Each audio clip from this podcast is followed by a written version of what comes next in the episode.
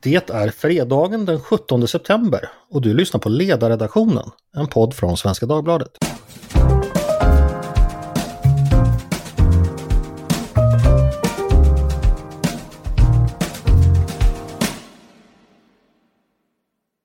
Varmt välkomna ska ni vara. Jag heter Andreas Eriksson och som vanligt på fredagar har jag lyckats tjata till mig lite tid av mina skrivande kollegor för att komma till podden och lufta de där tankarna som gör sig bättre i eten än i pappret eller bildskärmen. Med mig har jag bland annat Maria Ludvigsson. Välkommen hit! Tack för det! Har din vecka varit bra? Ja, det har den verkligen. Det var roligt att höra. Mm. Nå något speciellt eller har det bara lunkat på? Nej, det är väl det det inte har gjort. Jag tycker det är så länge så har det just bara lunkat, men nu kändes det som det blev lite fart igen. Nu har vi kommit upp i, i skritt kanske eller något ja. liknande. Med mig också eh, den evige Mattias Svensson. Välkommen hit! I evighet. Ja, jag är här. Det är ingen som har deplattformerat dig igen alltså? Eh, ja, försök har väl eh, gjorts, eh, men eh, inte den här veckan heller. De är ständigt ute efter dig. Du har varit produktiv i veckan såg jag när jag gick igenom våra texter här. Du har skrivit en del i veckan. Hur många texter har det blivit? Eh, det har jag hunnit glömma bort. Ja, det är ju så med skribentlivet. Man skriver i sand och så kommer en våg och så är texten borta både i ens eget sinne och i andras sinnen. Så är det. Och så är det någon elak fan som letar upp den fem år senare och säger haha, titta vad du skrev den gången. Det var dumt. ja, idag är det faktiskt eh, 11 år sedan min mest utskällda text någonsin. Låt mig gissa, handlar den om ett val och handlar den om Miljöpartiet? Eh, du gissade alldeles rätt. Just ja. Mattias Svensson, den här gamla ärkelibertarianen förklarade inför valet 2010 att Miljöpartiet skulle få hans röst, vilket väckte harm, förvåning och ilska långt in i det borgerliga lägret. Var det ingen från vänstern som blev upprörd också, att du börjar tassa in hos dem nu? Ja, alltså, eh, jag träffade ju Gustav Fridolin senare och han var definitivt inte bekväm med den rösten, vilket gjorde det ännu roligare. Ännu roligare, precis. Han, han vill inte vara med i en klubb där du sökte medlemskap. Nej, precis så. Intressant att du nämner Fridolin, för det, det, leder mig lite in på vad som ska vara dagens första ämne, eh, tänker jag mig i alla fall. För han har ju skrivit lite om eh, sin uppväxt på den svenska landsbygden. Och det pratas ju mer och mer om i politiken, stad och land och vilka eventuella motsättningar som finns däremellan och hur vi betraktar dessa olika former att leva. Eh, Mattias, du har varit inne på ämnet i veckan. Berätta! Ja, det stämmer. Jag eh, har ju som eh, poddens lyssnare redan känner till eh, läst Edvard Hollerts bok Tåget stannar inte här längre, en berättelse om Sverige utanför storstäderna. Eh, och eh, där lärt mig lite om eh, landsbygden. Och om, om jag får unna mig en personlig reflektion så är det ju just det jag har gjort. För han är ju uppvuxen i östgötska Gusum och skriver om orter i, i Småland och Östergötland som, som i stort sett alla, eller väldigt många, ligger på vägen mellan eh, Norrköping, där min frus föräldrar bor, och eh, Karlskrona, där jag är uppvuxen och har kvar mina föräldrar. Så, så den där vägen E22 ner har ju vi kört ofta, så det har varit, varit väldigt intressant att få veta mer om, om livet i, i alla de där småorterna på avtagsvägarna man aldrig tog.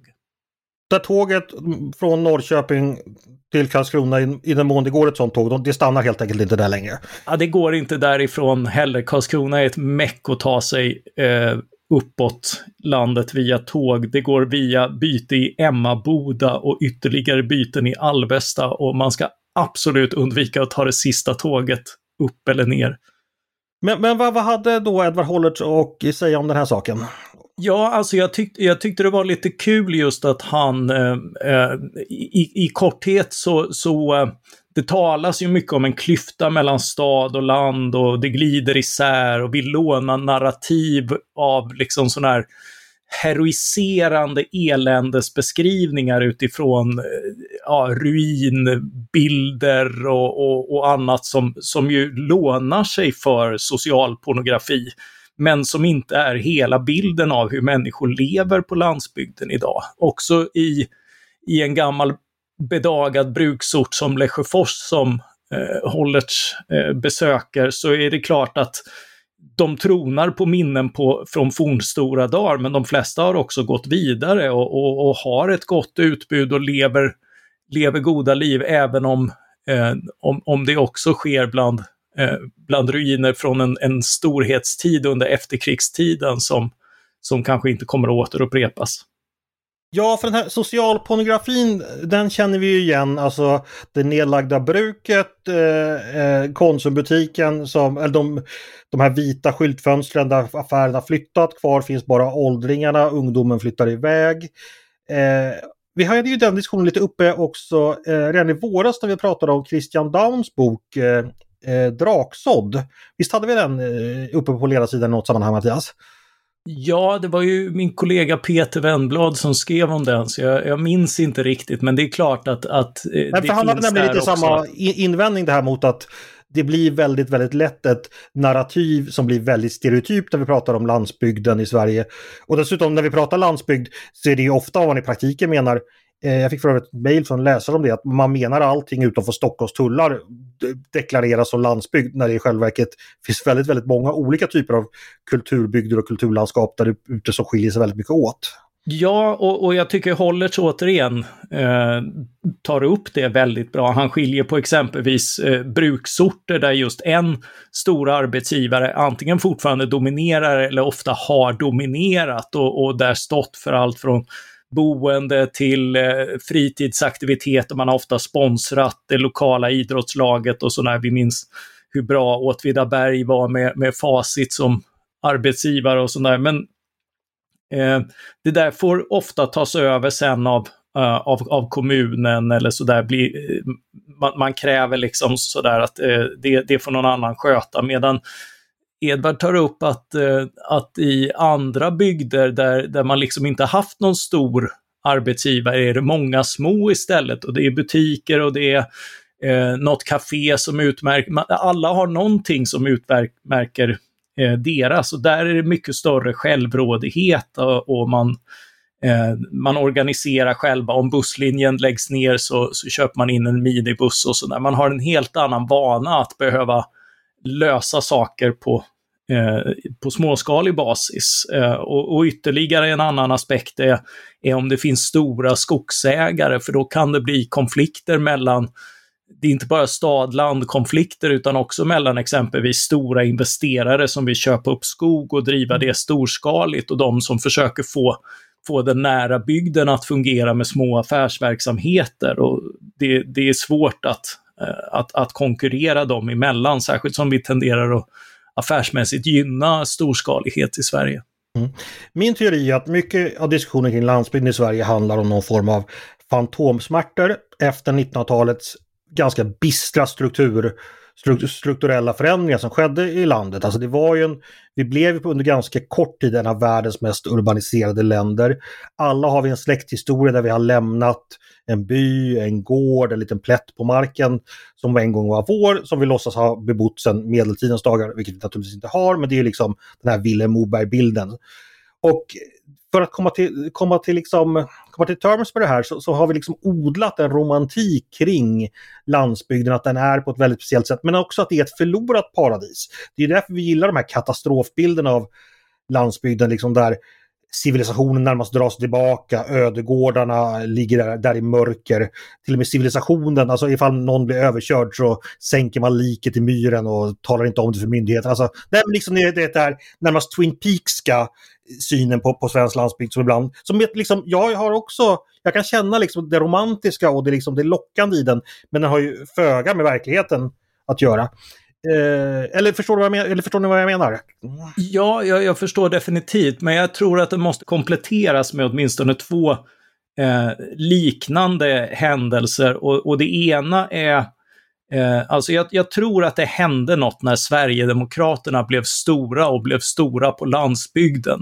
Eh, och, och jag noterade just det, och det skriver jag om i min text, att Nå någonting hände där efter valet 2014 när Sverigedemokraterna mer än fördubblades, vilket ju på många sätt blev liksom en, en chockvåg i, i politiken och, eh, och förstås slutet för eh, den dåvarande alliansregeringen. Eh, för ganska snart därefter så började folk tala närmast i tungor om landsbygden. Mm. Opinions... Jag har några exempel från en intervju vi lät Moa Berglöf göra med ett antal borgerliga opinionsbildare i Neo som vi gjorde då. Och, eh, och där var det liksom just att på, på landsbygden där jag har varit nu, där, där bor det minsann gedigna, genuina människor som lever sina liv på riktigt i motsats då till, till stadens ytlighet och, och spel och stress och sånt där. Eh, och, och den bilden tror jag, de, dels har den liksom blivit inne i storstaden och det märker vi nu med alla popreportage om, om liksom storstadsbor som har flyttat ut för att få lugn och förverkliga sig själva ute där, där andra har fullt upp med att få tillvaron att gå ihop. Och, och det här leder ju eh, till, till kulturkrockar som eh, Per-Ola Olsson och de andra från den så kallade banjohögen har, har beskrivit rätt, eh, mm. i rätt mustiga termer. Eh, men, men det är ju också, jag tror att i bakgrunden ligger just den här liksom att då blev land, gick landsbygden bland storstadsbor från töntig till farlig och därför något man behövde respektera. Sen på, mm. på liksom klassisk skolgårdsmaner så blev det här liksom en överdriven respekt för vad man tror är landsbygden, vilket inte så ofta stämmer med, med hur folk där faktiskt är. Nej, alltså jag tänker exempelvis Aftonbladet har ju en seniorreporter som minst en gång i halvåret gör en resa genom Sverige vilket resulterar i ett extremt dramatisk artikelserie om att här stannar tågen inte längre, eh, här röstar alla på Sverigedemokraterna, här, här, har vi liksom det sanna Sverige. Och det, liksom, det låter som det handlar om Appalachernas inland år 1831 när det kan handla, där det är liksom Åkersberga eller något sånt där. Liksom. Alltså det är extremt. Men nu måste vi släppa in dig Maria, du har säkert massor med, med tankar om detta med landsbygd och eh, hur vi betraktar den och vilken politisk roll den spelar. Vad tänker du? Ja, Alltså jag är ju från landsbygd i någon mening. Jag är från ett ställe med bara 2000 invånare som heter Malmköping. Mm. Eh, och en del riktigt gamla människor brukar säga, ja där har jag varit på gymnastikläger och så var det sådär någon gång på 30-40-talet. Eh, och ännu tidigare, de kanske inte berättar om det längre, men så var det regemente i Malmköping och då var det, då var det en köping och en levande bygd. Eh, men sen så förändrades det och sen kom ju den solidariska lönepolitiken som medvetet slog ut mindre företag eller olika små verk ute i de här bruksorterna, bland annat den lilla industri som fanns i Malmköping då, eh, när alla skulle ha lika hög lön i hela Sverige. Så själva poängen var ju att man skulle slå ut mindre effektiva bolag, företag och det gjorde man också. Och då blev det, uppstod det lite vakuum. Eh, vilka är vi då? Vi, man hade på många ställen så har man fortfarande en bild av vad man var förr i tiden och försöker leva lite grann på det. Men jag har lite svårt för den här, vad kallas det för, exo, exotifieringen av landsbygden och de som bor där. Det, vi pratar om ja, de där ute i stugorna, framförallt alltså, konsulter från Stockholm som kommer och ska berätta vad, vad borde ni göra för att sätta er på kartan och sådär. Så är det en bild av att det här är något väldigt udda och så. Det, saken är ju den att folk är som folk är även på landsbygden. Man vill ha ungefär samma saker.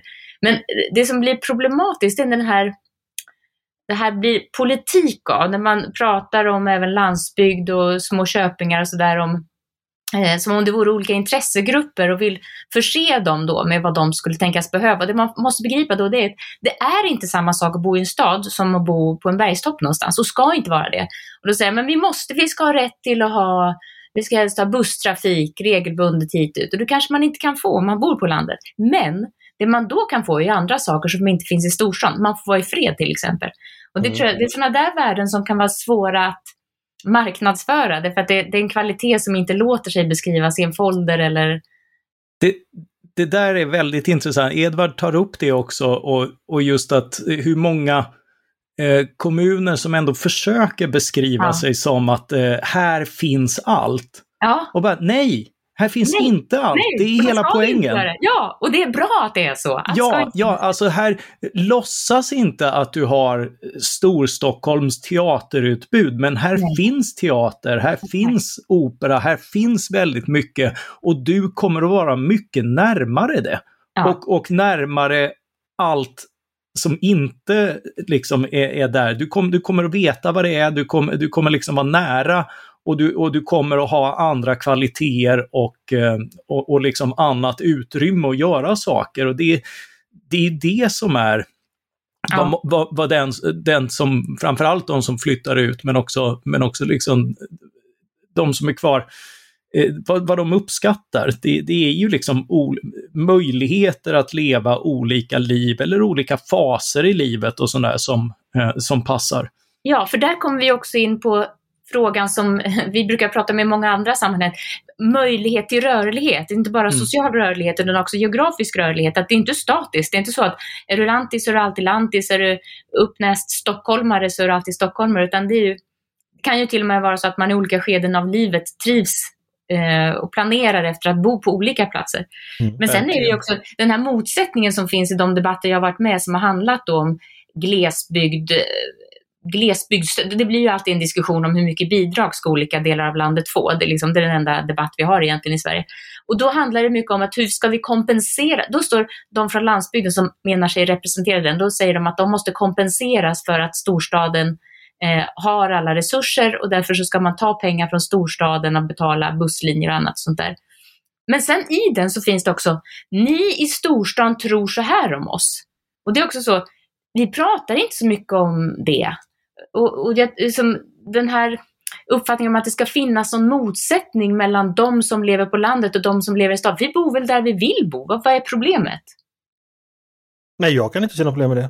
Nej, men, men visst är det den, den attityden, eller lite den tonen i den här Ja, men, men det ska ju också, jag menar, det ska finnas lite ret och kiv och, och, och, och, motsättningar. Det är ju precis som mellan unga och gamla eller sådär. Liksom det, Eh, Eh, det, det, är klart att, att i, i, ett sunt samhälle så måste det få krocka och man måste få driva med, med stereotyper och annat och sådär. Det, det tråkiga är ju som sagt när, när stereotyperna blir liksom allt eller, eller en, en föreställning som man inte skrattar kärvänligt åt utan, utan tar som utgångspunkt för faktisk, eh, för vad man tror om varandra. Och också när det alltid, om det alltid ska landa i därför så ska vi ha mer ekonomiska resurser ifrån någonting. Alltså allting handlar om en fördelningspolitik fast på jättenivå. Mm. Men vad tycker ni om när man gör politik av det här? Exempelvis när Ebba Busch börjar prata om det svenska hjärtlandet.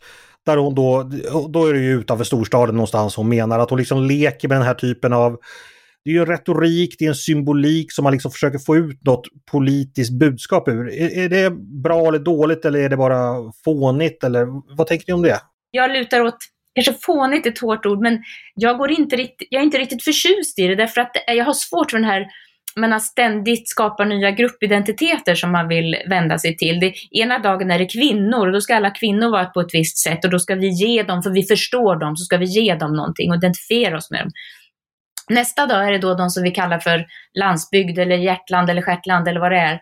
Som vi verkligen nu tycker så hemskt mycket om och nu ska vi bry er om. Det finns något paternalistiskt i det, någonting så här klapp på huvudet att ska, vi ska se till att och, och, lite beskriva, så fort man pratar om olika grupper så beskriver man dem ju nästan alltid som behövande.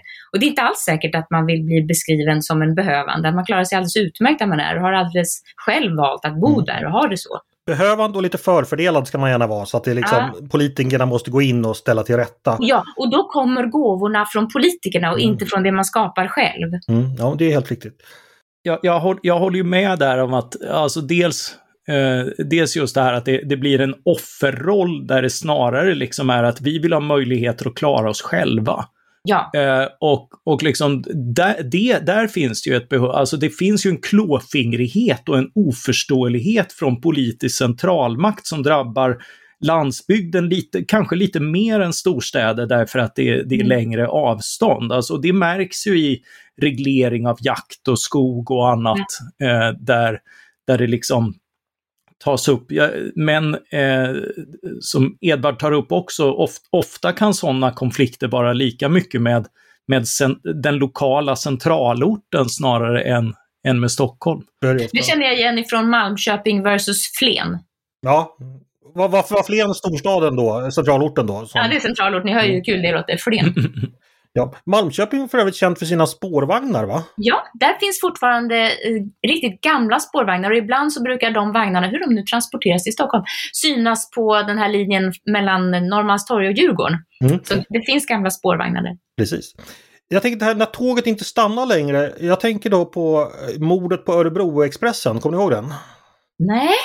Det var Hasse och Tage i, i revyn Svea Hund på Göta Lejon på 70-talet då. Det är parodi på mordet på Orientexpressen, så är det istället mord på på Örebroexpressen. Och, och nu, ni som vill se den här, nu kommer jag spoila så ni får hålla för öronen. Men det är i alla fall en man mördas på ett tåg i Sverige och då stannar tåget då Hasse Alfredsson som är konduktör för att dra i nödbromsen. Och det visar att han har mördats då av samtliga ombord, vilket eh, också är då i fallet mordet på Orientexpressen. Ja, nu råkar jag spoila den boken också. Men, men eh, eh, om, i alla fall syftet med mordet då, det är att tåget ska stanna i den här lilla orten Bögle, vilket den äntligen gör. För alla kommer från Bögle och är så ledsna att tåget aldrig stannar där. Eh, så det är liksom en social kritik då som, Tage ger mot eh, hur svensk regionalpolitik såg ut på 70-talet. Och mordoffret är då pikant nog eh, Lasse Pettersson som var då generaldirektör för SJ, dock utklädd till Gösta Ekman eftersom det är Gösta Ekman som spelar honom då. Och eh, detektiven spelas av Tommy Körberg, den är väldigt rolig. Och sen visar det sig att Lasse Pettersson slash eh, Gösta Ekman, han är ju inte död. För en generaldirektör vid SJ är ju bara skendöd. ja, den finns att se på, på Youtube eller öppet arkiv i alla fall ifall ni vill eh, fördjupa er i detta. Vi ska byta ämne. Det här var bara en tanke att försöka få en lättsam övergång till nästa ämne som handlar om politisk presentutdelning. Eh, som det har förekommit lite av i veckan i samband med att Stefan Löfven då gjorde sin sista, han öppnade sin sista riksdag och sista regeringsförklaring och då fick han lite presenter av sin omgivning. Mia, vad tänker du om det? Var det, var det bra presenter han fick och eh, att ge politiska presenter, är det en trevlig tradition vi bör förvalta vidare? Ja, det är ju det. Och jag, måste, jag får erkänna då att, att jag blir alltid lite rörd av de där stunderna. Jag tycker det är något fint i det. Jag vet inte riktigt vad det, vad det berör i mitt inre, men det, det är någonting i det som är dels mänskligt och så är det ofta det, det, är en genuin välvilja och det är väl det att man ser i ett sammanhang där man alltid ser att de, eh, vad ska jag säga, tar fast, fäste på det mest negativa i varje parti eller hos varje motståndare så gör man nu tvärtom. Alltså man utgår ifrån det man faktiskt gillar hos den här personen. Och så gör man någonting av det. Så jag, jag tycker det där är genuint fint. Eh, så, så, jag uppskattade det mycket. Jag tyckte alla gjorde vänliga, fina. Men det som förvånar mig och som jag skrev några rader om det var att man här, här, ser man ju då att alla de här verserade partiledarna är bra personer. De är väldigt vänliga, trevliga, väluppfostrade, hyfsade. Varför kan det inte synas även i den vanliga politiska debatten? När man kan kasta saker på varandra, oftast från eh, Socialdemokraterna som då, han var den som blev avtackad. Han kan beskriva motståndarpartier nästan som nazistiska. Alltså det, mm. det är ganska grova påhopp. Och sen visar det sig då att men är det bara på låtsas då? Det är en charad. Det är det vi oftast hör i debatter, är det bara på att egentligen så är de skulle man inte kunna ha någonting där mittemellan? Närma mm. sig det verserade, um, generösa som fanns i plenisalen vid avtackningen och få med det in i den uh, vanliga politiska debatten. Det är mycket intressant iakttagelse. Jag tror även uh, den politiska kommentatorn på Expressen, Viktor Bartkron, gjorde samma. att om Jimmy Åkesson nu är Hitler så är det väl lite oväntat då. Och, och liksom, om Ulf Kristersson då är von Papen som alltså då är den här konservativa ledaren som släpper fram eh, helvetet helt enkelt. Varför tar han då emot de här presenterna och tackar för det? Det blir det väldigt märkligt. Och, men vad tror du Mia? Är, vad är den verkliga bilden? Vad ser vi den riktiga Stefan Löfven? Är det han som, som är, oroar sig för demokratins fall eller är det han som tackar för presenterna lite rörd? Det är det som jag tro, tror är utmaningen att vara politiker, för du är både och. Och du, mm. vill, du tvingas vara den som ser eh, nazister överallt, i alla fall verbalt göra någonting av det. Alltså, du, du tvingas nästan in i det för att tonläget är så högt uppskruvat och så har man säkert medarbetare som nu måste du markera och sådär. Och så de sociala medierna är tillräckligt. Jag tror att det de, strä, det de hellre skulle vilja vara i och där de så uppenbart mycket mer trivs, det är ju rollen som den verserade, vänliga kollegan som och, och de finns ju också. Det är också, mm. alltså, det är också en äkta person. Jag håller ju inte alls eh, med här. Jag, jag, jag har bråkat eh, med eh, Mia inför, inför tryck därför att jag tycker ju tvärtom att det är jätteviktigt att kunna skilja på olika roller, att kunna vara stenhård i den politiska debatten om vilka politiska motsättningar man företräder. De, de är på riktigt och de spelar roll. Men eh, de här företrädarna för de idéerna och uppfattningarna är ju också människor. De är valda företrädare för sina partier, de företräder sina väljare i den parlamentariska demokratin. Och man måste kunna uttrycka respekt både för ämbetet och för personen utan att det blandas med att man har fundamentalt olika uppfattningar i sak om hur landet ska styras. Och jag tycker, jag tycker just att presentutdelningen är bra som en kontrast just för att man visar på båda de här aspekterna att man kan ha respekt för, för människan och ska ha respekt för människan bakom utan att man nödvändigtvis har, har respekt för uppfattningen eller, eller delar den. Men Mattias, tror du inte att det finns en risk här att, så att säga, avståndet blir för långt mellan retorik? För så här, man ska ju inte ha respekt för Hitler som, som människa. Och så att om man säger att någon är Hitler och sen, alltså blir det inte någonstans en dubbelhet som blir väldigt konstig och som väljarna kommer ställa sig väldigt kritiska till. Det, det, det, det jag tror är konstigt är ju hyckleriet per se, när, när man, mm. när man låtsas att eh, ge, genom liksom överdrifter och paralleller som man inte ens själv tror på. Det är ju i sig ett hyckleri. Det, det har ingenting med, med liksom att sen ta, ta emot presenter, utan det är ju precis eh, att, att, att man sen liksom eh, man, man har tävlat om att vara mest mot S, Sverigedemokraterna ja. och det har liksom handlat om, men det har ju också handlat om, alltså om ni vill ha konsekvens i det här så hade ni ju den när, när Lars Ohly på valnatten 2010 var det väl, inte kunde gå in i samma sminkloge som Jimmy Åkesson. Mm. Där, där har ni den konsekvensen och jag tycker att det är så urbota töntigt. För det... Men jag menar ju precis tvärtom. Alltså just, och likaså när, när um, Ny Demokrati så vägrade de också sitta i samma eh, omklädningsrum. Det var Bengt Westerberg på den tiden. Alltså det jag menar är snarare att eh, debatten ska vara stenhård, ja. Men det ska den vara på en intellektuell nivå och inte på den direkt antiintellektuella som snarare handlar om att kalla någon von Pappen och eh, alltså det som inte är inte ens för, för oss väljare så är det en särskilt givande debatt. Så stenhård debatt behöver ju inte vara en nej, nej, nej, men, men grejen är ju huruvida man tror på det här. Och jag menar, det är ju så. Sverigedemokraterna har nazistiska rötter, de har rasister i partiet, de försöker att rensa ut det, men det är ju en anledning, det, det är ju ständigt återkommande Eh, uppdrag och sådär. Och, och det, eh, det, det, måste man ju kunna ta upp i en politisk debatt och bemöta och slå på och, och kritisera eh, utan att för den skull eh, var, vara nedlåtande mot människan Jimmy Åkesson eller mot det uppdrag han bär på uppdrag av en massa människor som har röstat på honom. Helt enig, men det tycker jag sällan att de lyckas visa. En har gjort det bra, det var Carl Bildt som tog en debatt med Åkesson Eh, i SVT om, inför Europavalet tror jag. Eh, han tog honom verkligen på allvar. Han var stenhård i debatt, men han kallade honom inte eh, fula ord, utan han tog honom på allvar och det blev svårt för Åkesson. Ja, ja, nej men jag menar det att, att, att man inte, sen, sen är det ju en annan sak, alltså det har ju funnits en, eh, en, en tro att om man klistrar etiketter på någon så är det argument.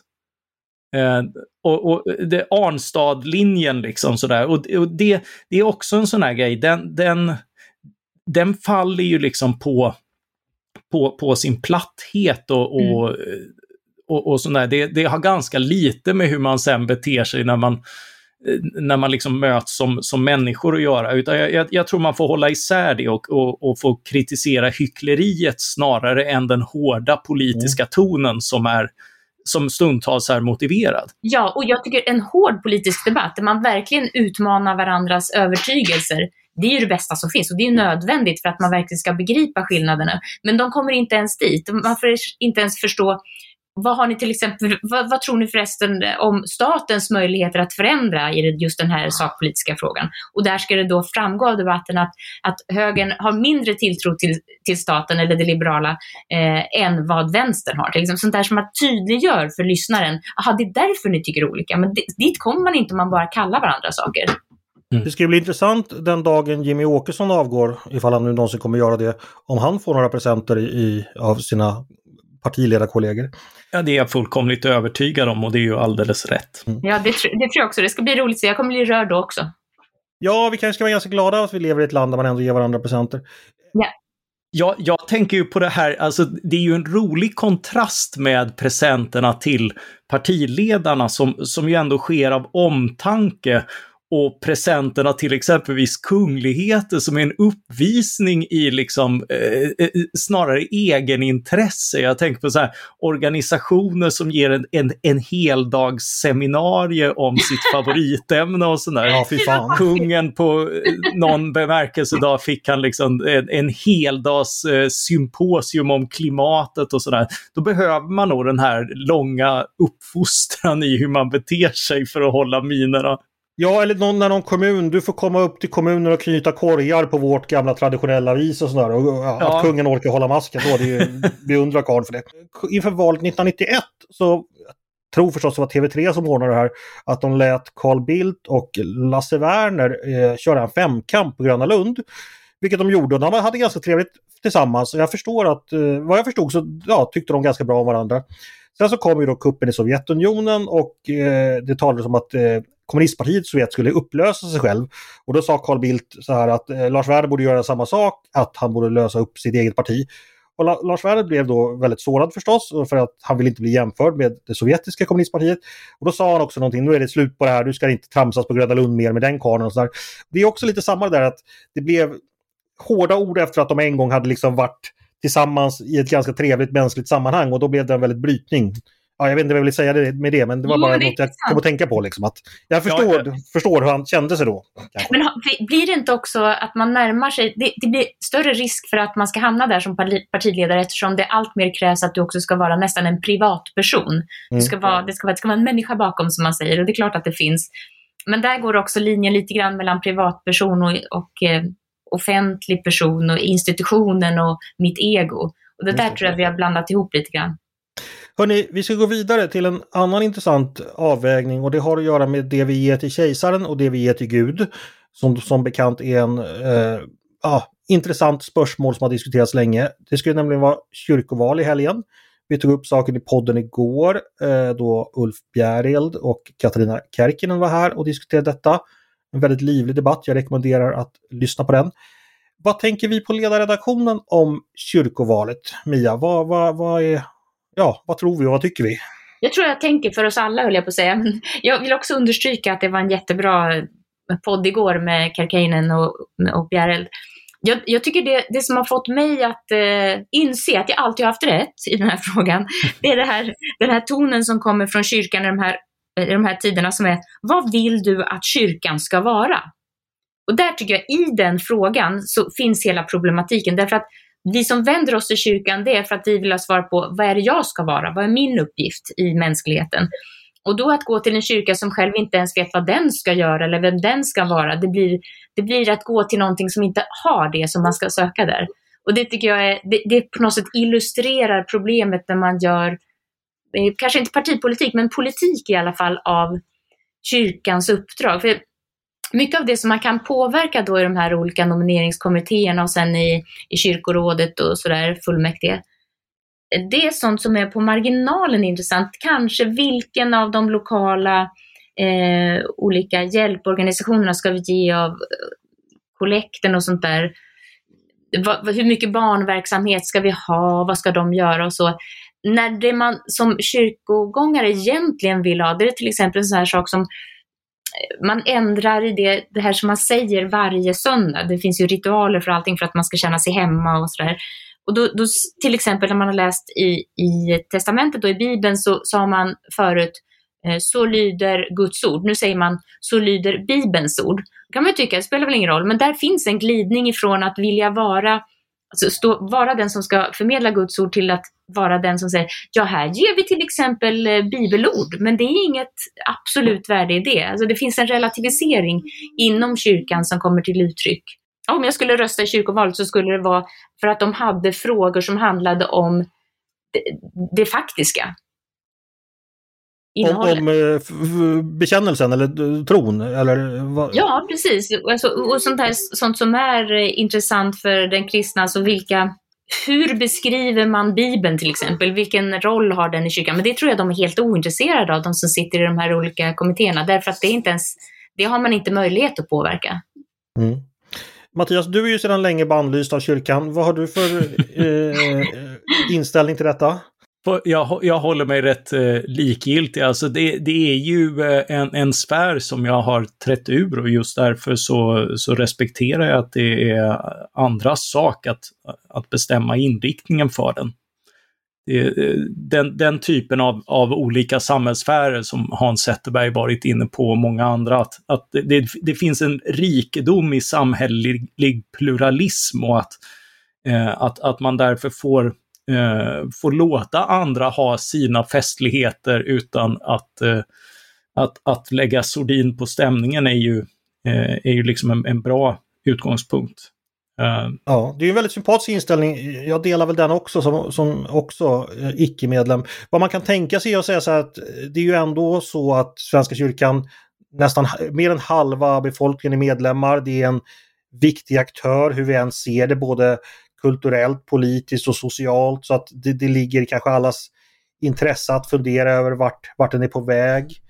Eh, men jag tänkte men jag dig Mia. Eh, Ulf Bjärrel sa ju igår att han tyckte kyrkovalet var ett bra sätt att få människor engagerade i kyrkan, att skapa liksom ett eh, Ja, att helt, helt enkelt liksom eh, väcka människors intresse både för tron och för, för liksom det arbete, det sociala arbete kyrkan gör. Och sådär. Vad, vad tänker du om det? Jo, men jag hörde det och jag tänkte att det där är väldigt typiskt. Det förvånar mig inte att han säger det, för det är också ett väldigt socialdemokratiskt sätt att se på samhället. Så det som inte är staten. Man ska genast, eh, om man är engagerad i, i någonting så ska man genast gå in med i en förening och rösta om det. Så de har ju en syn på demokrati som nästan en, en, en det, det, är gudomligt i sig bara detta att man, att man bestämmer saker via att rösta och lägga fram ett förslag och sådär. Och det där kan jag ju förstå därför att det, arbetarrörelsen byggdes ju av detta, blev starkt av detta och även det de då på den tiden hade att strida mot i den då statliga väldigt konservativa kyrkan hade de ju all rätt att kritisera. Men problemet blir väl detta att så länge kyrkan är politisk som den faktiskt är, så kommer det bli en fråga om höger och vänster. Jag kan tycka att, för då säger sådana som Gerhard, ja men är det bättre att den blir höger då? Nej, det är inte alls det, för att politik ska inte vara i kyrkan överhuvudtaget. Det finns också de inom borgerligheten som säger nu är det dags att vi tar över här, nu ska vi vrida tillbaka, vrida det ur vänsterns händer. Men då har ju ingenting blivit bättre, för det är fortfarande politik i kyrkan. Och den ska inte vara det oavsett om den är nyliberal eller om den är vänstervriden. Mia, får jag fråga, tänker du rösta i kyrkovalet eller har du redan röstat? Nej, jag kommer inte rösta i kyrkovalet. Förr gjorde jag även så att jag inte röstade i landstinget, för jag tycker inte att det heller ska vara politiskt. Mm ja, det, det, det, det, var ju konsekvent tänkt. Ja, och alla lyssnar på det. Jag tycker det är jätte... Det, det spelar verkligen roll att jag lägger ner min röst. ja, hörni, eh, vår tid börjar närma sig till sitt slut. Jag tänkte bara kolla ifall ni har något helgtips till våra lyssnare, någonting roligt man skulle kunna hitta på i helgen att läsa eller att göra eller ta sig för eller tänka på. Eh, vad säger du Mia? Har du något? Ja, jag har funderat på detta och så kände jag att det här är en sån bra fredagsfråga att få varje, en gång i veckan. Därför att det får mig också tänka på vad borde jag göra? Och då tänker jag på att man ska egentligen, de där dåliga samvetena man har som kanske beror på att man inte riktigt har tid, de skulle man i varje helg ta, plocka ett av dem. Det kanske är någon som man gärna har velat ringa länge men inte riktigt hunnit med. Då ska man sätta sig ner och göra det till exempel. Mm, mycket, mycket uppbyggligt. Mycket eh, uppbyggligt. Mattias, vad säger du? Har du något tips? Ja, jag vet inte om det är, det är tips, men eh, eh jag tänkte ägna, ägna helgen åt att åka iväg och fira. Eh, fira först en vän och sen svärfar i helgen. Så eh, det är skönt att få ägna sig åt andra och gärna med fördel under, eh, under festligare former. Det börjar ju bli lite större möjligheter att, att göra sånt nu och eh, det sätter jag stort värde på. Du skulle ut i skärgården och fira svärfar va? Ja, så kan det vara. Jag vet faktiskt inte riktigt vad jag gett mig in på, så jag har inte tänkt mig så mycket på det. Andreas vet mer än vi vad vi ska göra. Ja. Anledningen var att jag och Mattias befann oss på ett flygplan för någon vecka sedan där vi flög över Stockholms skärgård och då nämnde Mattias att han skulle besöka en av öarna. Men det, det kanske ändrade planer nu. Och jag kanske avslöjar någon hemlighet det nu. Det, det, det är faktiskt... Eh, en överraskning! Mm. Alltså var det en överraskning? Nej. Nej. Nej, okej, vad bra.